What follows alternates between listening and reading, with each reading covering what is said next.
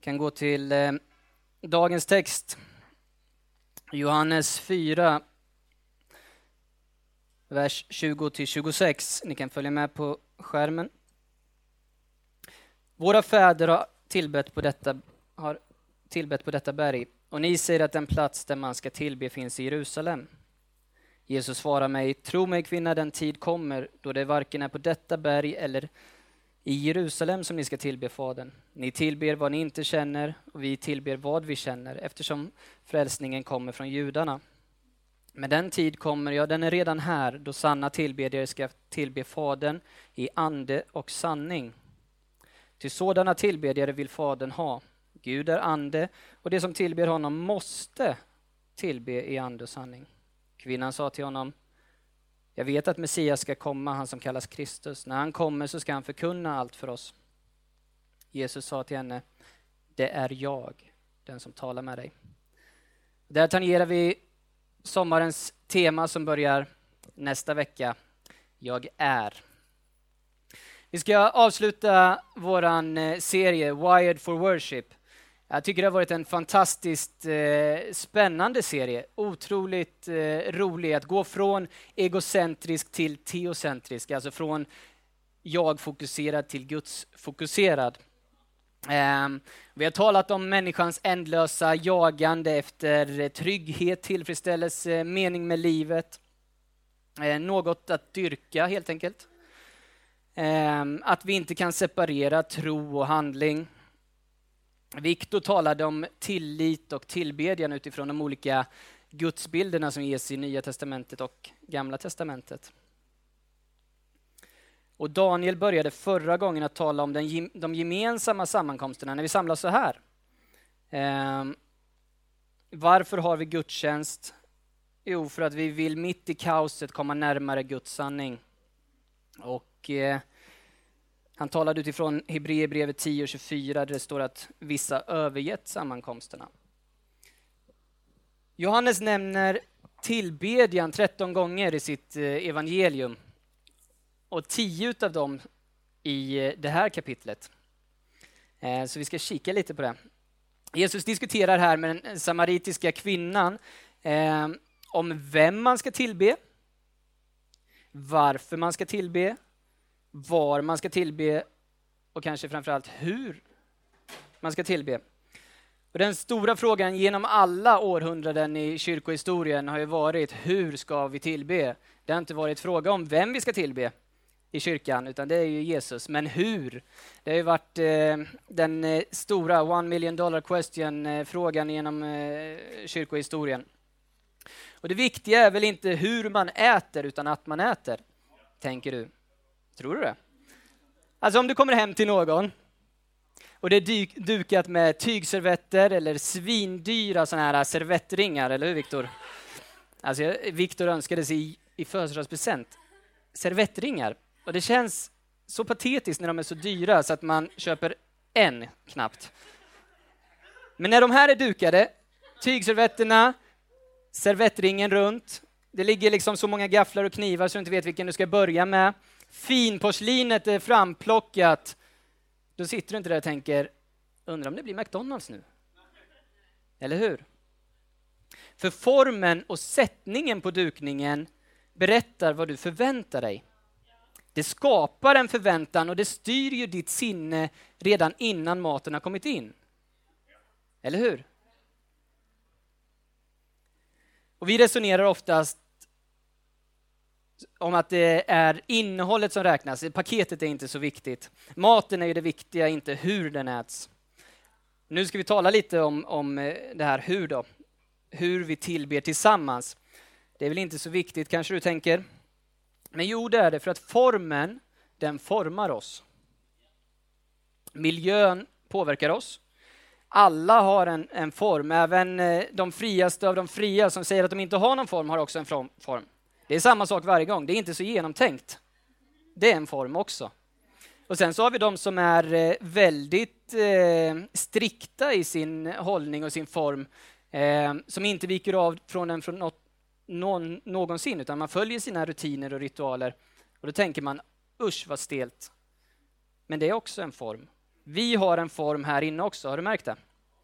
Ja, vad bra. Eh, det är ganska sällan du blir chockad. Oj, ska han gå upp och predika nu? Ja, och det är Bibeln som vi utgår ifrån. Det är inte Aftonbladet eller Se och Hör, utan vi predikar oftast från Bibeln. Eh, vi kör oftast lovsång innan och så vidare.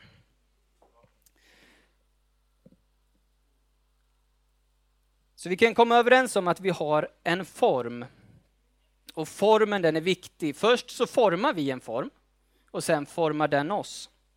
Och den formar vår tro och vår förväntan. Så vi måste vara medvetna om att the medium is the message och att former inte är neutrala. Former är ju någonting som går förbi ditt sinne och rationella tänkande, utan det går direkt på magkänslan eh, och kopplar direkt med din önskan, längtan. Eh, och det lär oss vad vi ska älska och uppskatta. Man tänker inte så ofta på formen, utan det talar undermedvetet till oss.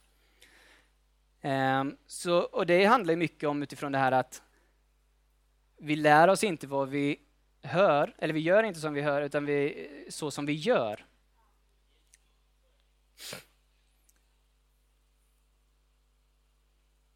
Och hela, då, hela det här paketet som vi kallar för gudstjänst formar din tro.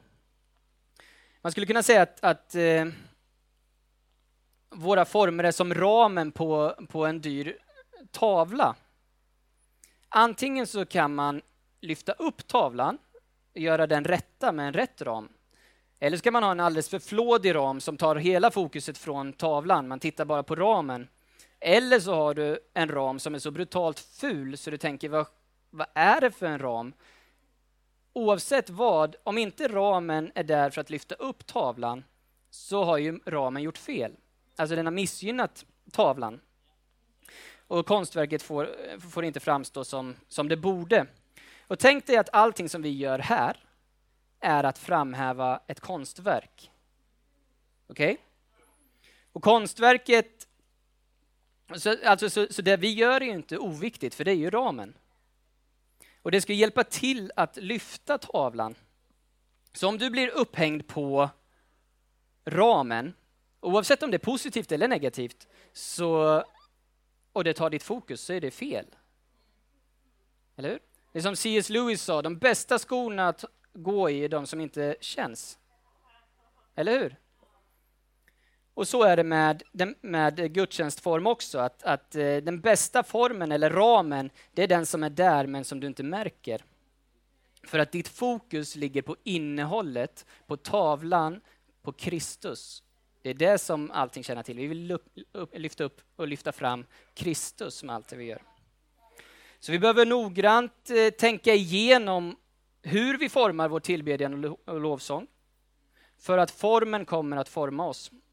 The content needs to shape the container. Och om inte så blir det tvärtom. Så Gud söker efter tillbedjare som tillber i ande och sanning. Jesus säger tre gånger i, i kapitel 3 och 4 att du måste bli född på nytt. Att människosonen måste bli upphöjd. Och här säger han att ni måste tillbe i ande och sanning. Då, när jag läser Bibeln så tänker jag att när det står måste, då är det ganska viktigt. Det är lite ett kraftuttryck kan man säga i Bibeln. Eh, så vi ska, alltså hur, hur, hur gör man det då? Det är det, den stora frågan idag. Och det är lite det vi ska kika på. Eh, jag tänkte bryta ner det i tre olika punkter för er, så det är klassiskt med tre punkter. Ja, whatever. Första punkten. Engagerade hjärtan. Johannes 4, 20-21. Våra fäder har tillbett på detta berg och ni säger att den plats där man ska tillbe finns i Jerusalem. Och Jesus svarade, mig, svarade, tro mig kvinna, den tid kommer då det varken är på detta berg eller i Jerusalem som ni ska tillbe Fadern. Vi måste närma oss Gud med uppriktighet och, och helhjärtat, inte bara som våra förfäder eller gamla traditioner. Vi har alltid gjort så här, typ. Eller hur? Utan tillbedjan, det handlar inte om på vilken plats, utan från vilken plats. Så Gud letar inte efter tillbedjare från det rätta berget. Alltså den här källarlokalen kan ju också vara ett berg. Men det handlar inte om, om platsen, utan det handlar om från det rätta hjärtat. Så du kan ju tillbe Gud vart du än är. Det är inte bundet till en plats, eller berg, eller tradition. Och Jesus är ganska skarp. Han säger att enligt eh, att ingen tillbedjan är sann tillbedjan om den inte kommer ifrån ett ärligt hjärta. Så alltså ska vi inte låtsas att vi tillber. Är ni med? Och tillbedjan behöver inte alltid vara trevligt. Har ni märkt det? Många, många gånger så har jag tänkt, ja, man gått till kyrkan för att det är så trevligt. Eller för att jag vill ha trevligt. Trevlig, trevlig, trevlig är Herren. Sebastian. Så sjunger vi inte. Nej. Men vi kan ibland eh, förvänta oss det.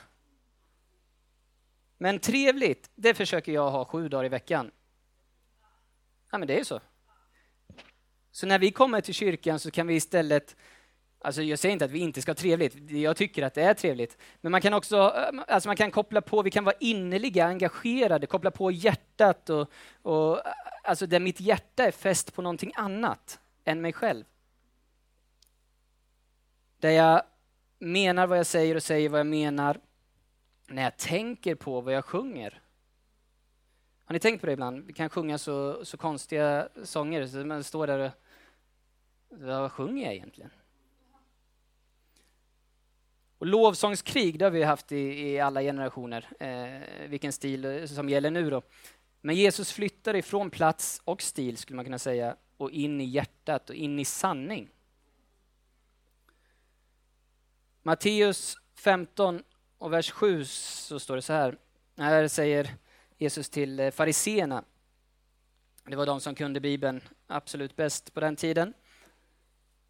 Ni hycklare, rätt profeterade Jesaja om er. Detta folk ärar mig med sina läppar, men deras hjärtan är långt ifrån mig. Har du tänkt på att det, det är så lätt att engagera sig så fort det är någonting annat? Alltså man går på ett sportevenemang, som den här introfilmen som vi hade tycker jag är ganska bra. Så fort man går på sport, alltså jag var på eh, derbyt, Djurgården, AIK. Jag håller inte på något lag. Men man står ändå med upplyfta armar och skriker, jag vet inte vem man skriker på, men man, alltså det, man rycks ju med. Eller hur? Eller jag och Hampus var på, på Swedish House Mafia, alltså det var någon som form av eh, euforisk extas som inte går att förklara, där 40 000 bara bara hänge sig. Alla gör likadant. Alla lyfter händerna, alla hoppar, alla är svettiga. Um, och grejen är den att jag tror att engagemang föder engagemang. Eller hur? Så det är viktigt, alltså om du kommer till kyrkan och känner att nej men jag känner inte för att stå upp idag i lovsången. Men gör det inte för din skull då, gör det för grannens skull. Eller hur? Vi kan hjälpa varandra att engagera oss. Och grejen är den att det gör någonting med dig själv också, när du släpper fokus från dig själv och tvingar dig att göra någonting annat för att fästa fokus på Gud. Och ibland så är det så att jag eh, i lovsång lyfter mina händer. Och det är för att det är enda sättet för att jag inte ska stå och fippla med min mobil. Hur många likes har jag fått på senaste tweeten eller, eller, Instagram eller vad det nu kan vara? Alltså det hjälper mig att koncentrera mig.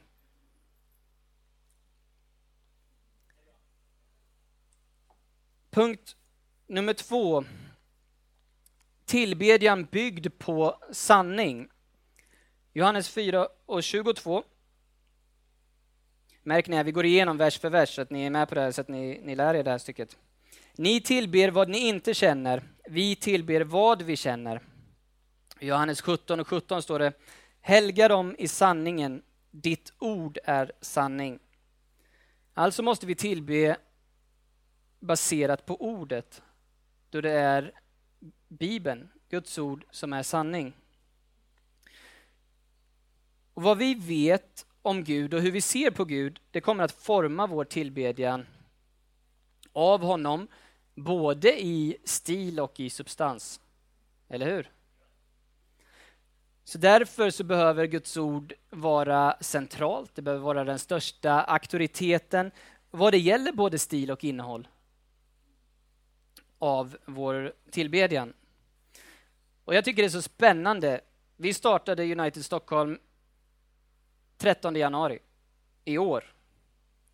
Det är så kul att få vara med från början och, och bygga någonting och forma. Och, alltså det är ju inte enkelt, det är en stretch. Alltså hur... Men, alltså man kommer lätt in på vad är det för stil, vilka sånger ska man köra? Och så bara få komma tillbaka till, till kärnan. Vilket budskap är det? Vad är sanningen? Vad, vi får vara med och forma huvudsaken där huvudsaken får vara huvudsaken.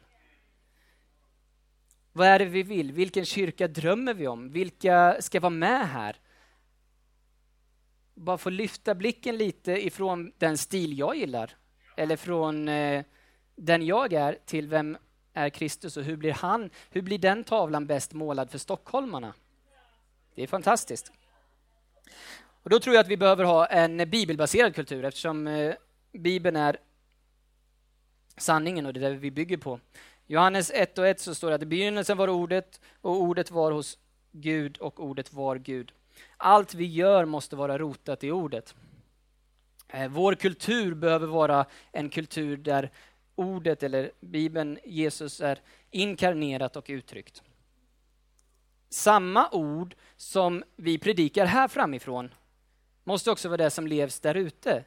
Den som säger välkommen i dörren, i allting som vi gör, annars så, så förlorar vi ju annars så eh, förlorar vi trovärdighet. Det måste finnas en trovärdighet i vår tro och i vårt beteende. Det kan inte vara två skilda saker. Så allt som vi gör behöver vara format av ordet. Vi behöver ha en, en kultur som är bibelbaserad.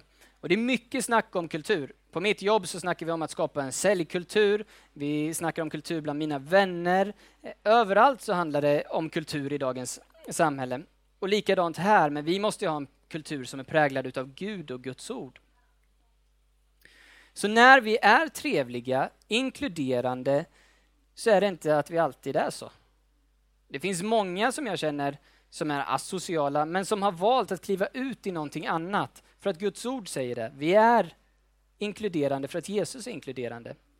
Vi möter alla människor på ett sätt som Jesus skulle ha gjort. Eller vi försöker i alla fall. Det är den kultur vi vill ha.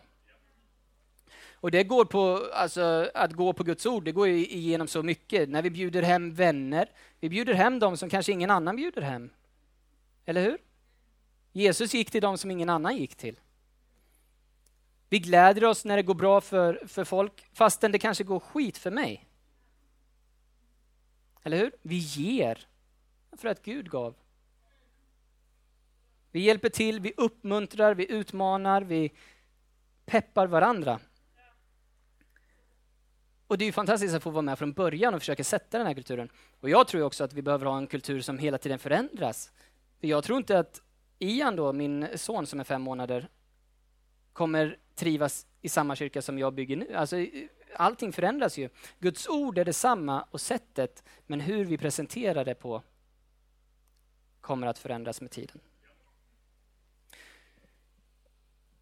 Bön tror jag är eh, en central grej. Be ordet. Så som vi ber är också så som vi tror. Har du tänkt på det någon gång? Om du vill veta hur, hur eh, bra tro din polare har, så, så be högt tillsammans. Eller bra tro, eller vad för tro han har. Det visar sig. Det är din bästa, när du ber högt, eller när du ber överhuvudtaget, det är ditt bästa uttryck för den teologi du står bakom. Eller din gudsbild. Och din teologi den bygger på, eh, bygger på hur du ber, så att det går åt, åt båda hållen. Men det är ett uttryck för den bild du har för, av Gud. Ja, men hur ber man då? Ja, det undrar jag också ibland. Jag vet inte heller alltid vad, vad jag ska be. Ibland kan det vara som eh, tunghäfta, riktigt, eh, det kommer inte fram någonting. Man, man är helt tom inför, inför det. Har du varit med om det någon gång eller det är kanske bara jag? För dig som, som, som redan är troende så är tungotalet en bra hjälp. Det är ett bönespråk som eh, hjälper dig att be när du inte vet vad du ska be. Men det är i ditt privata liv en hjälp. Vi formar när vi ber här, framifrån, när vi ber offentligt, så formar vi folks teologi och böneliv. Så därför är det väldigt viktigt när vi ber här framifrån att vi proklamerar sanningen, att vi proklamerar Guds ord eh, och de löften han har. Så all offentlig bön, eller bön här framifrån, måste reflektera och bekräfta Guds ord.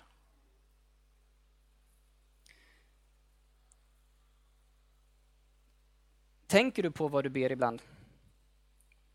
Måste jag blunda? Måste jag knäppa händerna? Nej, det måste du inte. Gud har större nåd än så. Han hör dig ändå. Men det är inte för Guds skull, det är för din skull. Eller hur? Knäpper jag händerna så fipplar jag inte med min mobil. Så är det.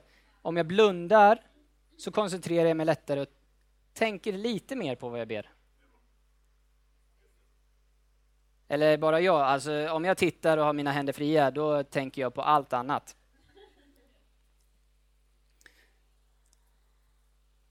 Problemet är inte Gud, utan det är jag.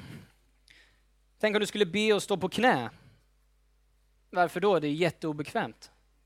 Ja, perfekt. Då sätter det sig i ditt kroppsminne också. Nej, det var inte så bra. Vi är så formade av hur vi ber.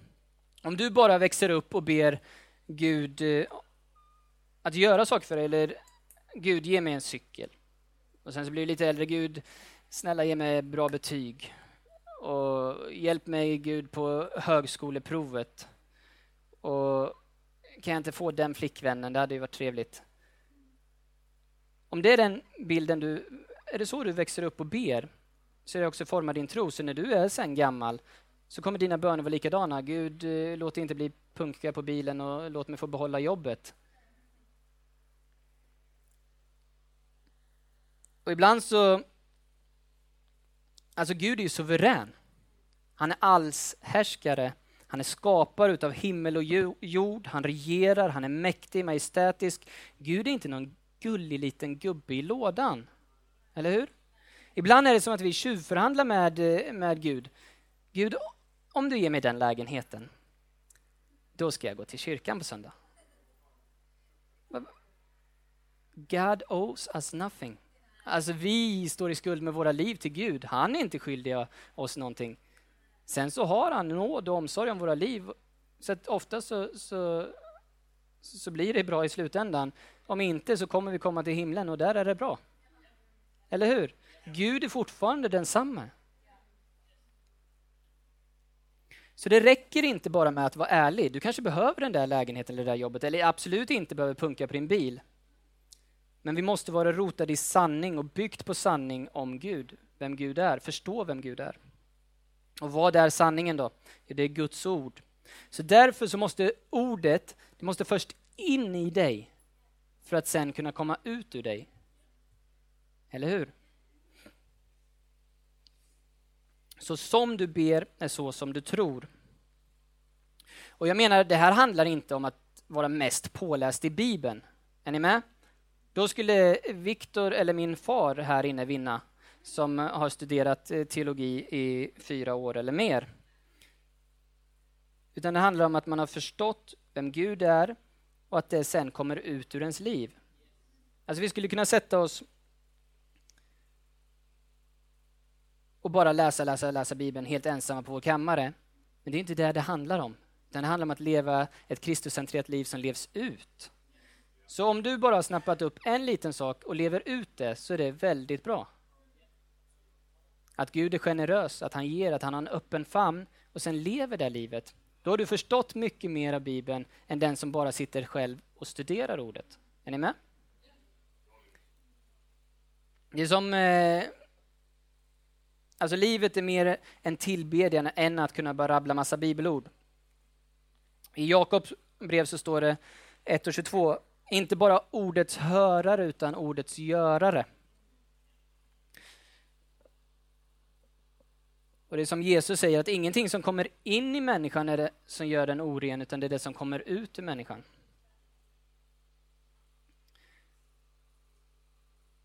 Så om du sitter ensam for the rest of your life och bara läser Bibeln och det inte kommer ut ett skit av det, så är det ingenting värt. På samma sätt som tungotalet kan vara en hjälp när vi ber, tänk om vi skulle kunna se på redan färdigskrivna böner som, som en hjälp. Matteus 6, 9-13 så har du Fader vår. Vår Fader, du som är i himmelen. Låt ditt namn bli helgat. Låt ditt rike komma. Låt din vilja ske på jorden så som i himmelen. Det är ganska lite om mig själv där, min cykel och, och mina betyg. Ge oss idag det bröd vi behöver. Förlåt oss våra skulder liksom vi har förlåtit dem som står i skuld till oss.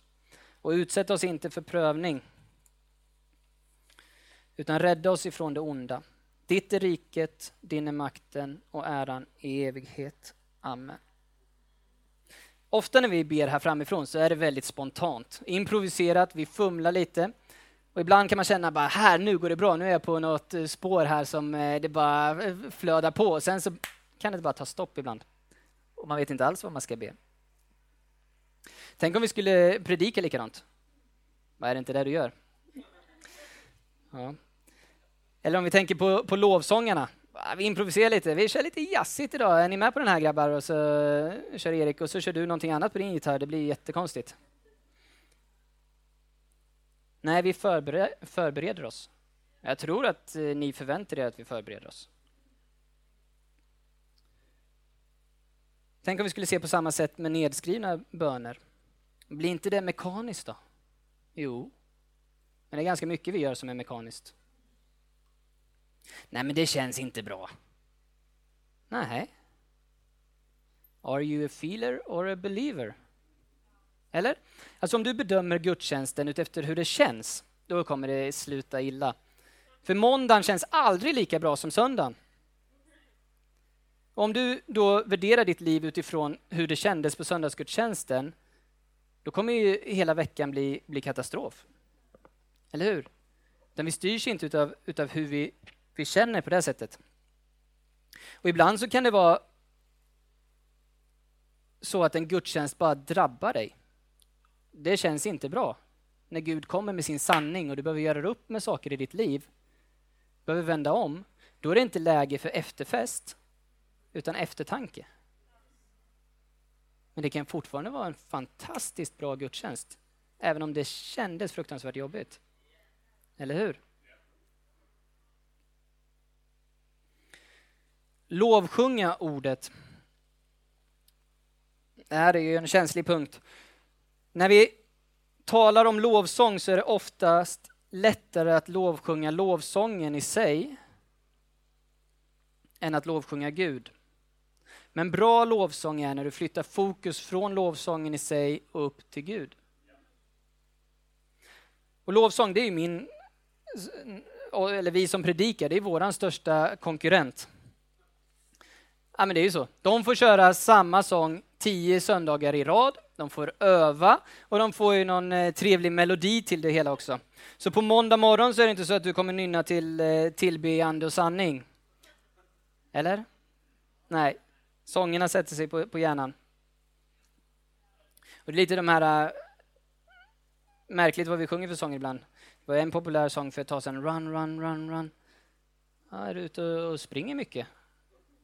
Vad springer du ifrån? När he hela helvetet skakar, du förlorar ditt jobb, din lägenhet, din katt dör, frun sticker, barnen flippar. Vad är det för sång du sjunger då? Run, run, run. Eller? Gud, du är allsmäktig. Du har kontroll över mitt liv. Det är viktigt.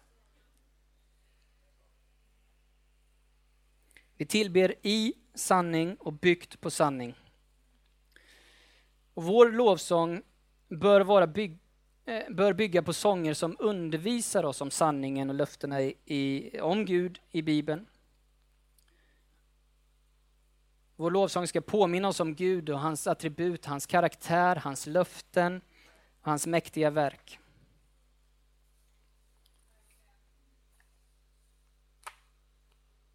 Jag tror att vi skulle kunna se på våra sånger som eh, lärare.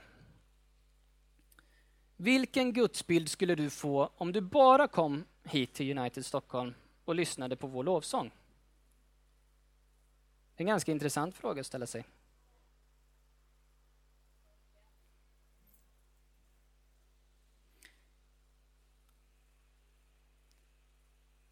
För det finns många, och det, det här är någonting som Nej, men som, alltså folk har kommit och frågat mig varför kör ni inte de här sångerna eller varför, varför sjunger vi inte de här sångerna?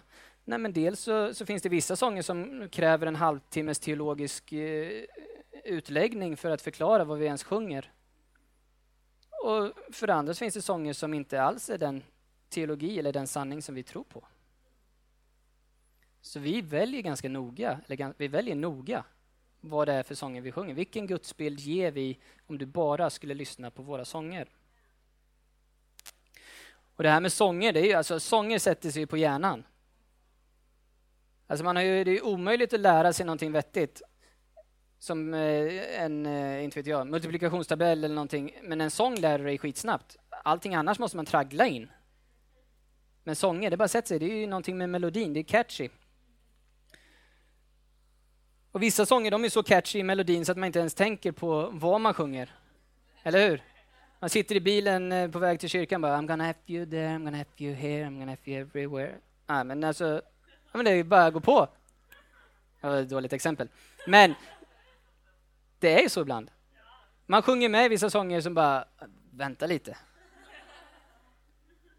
Det finns många sjuka texter. Jag tror att vi behöver ha en, en, en takt och ton som främjar, främjar texten. Och jag tror inte det handlar om, om någon stil utan det handlar om vad som är sant. Vad är kärnan? Är det Kristus? Det handlar från, från vilken plats sjunger jag? Från hjärtat. Jag skiter i vilken stil det är. Jag sjunger det här för att det proklamerar Guds härlighet. Det lyfter upp honom. Det talar om vem han är.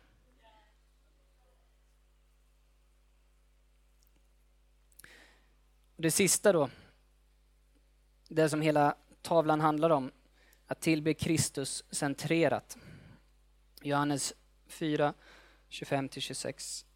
Och kvinnan sa till honom, jag vet att Messias ska komma, han som kallas Kristus. När han kommer ska han förkunna allt för oss. Och Jesus sa till henne, det är jag, den som talar med dig. Jesus är centrum utav allt.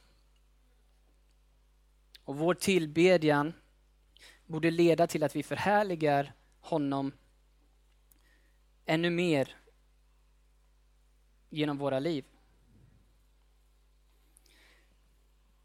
Det är så att i Lukas eh, 24 och 27 så, så, finns det en berättelse om, om några lärjungar, Emmausvandrarna, som när Jesus hade varit korsfäst så går de hem igen och är bedrövade och ledsna.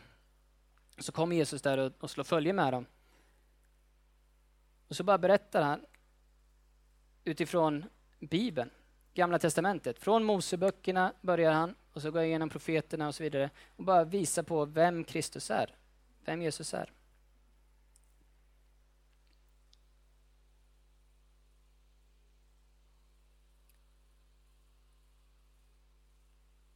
Vi har talat lite om stil och, och, och form och, och, så idag. Jag hoppas att du har förstått att det inte är det som är viktiga. Utan det viktigaste är att vi får en sann gudsbild.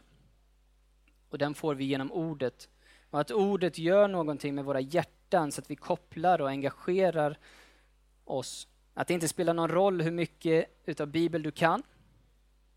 Utan vad du lever ut. Vad ger ditt liv för eftersmak? Så förståelsen måste först landa i ditt liv så att du sen kan leva ut det. Att Jesus är kärnan, att det är han som är tavlan, den som vi försöker visa, måla upp för alla som vi möter genom att leva ett liv likt honom. Så det handlar inte om en tid eller en plats. Kyrka är inte arenan för ditt liv, utan ditt liv är arenan för kyrkan. Så vi lever ett liv utav tillbedjan 24-7. Kyrka är där du är, de du möter. Och vi vill bygga en kyrka som kan vara med och forma det för hela livet. Vi vill bygga en kyrka för hela livet som håller. Då måste vi vara förankrade i ordet, Kristuscentrerade, Bible-based, Christ-centered, mission-focused. Så är det.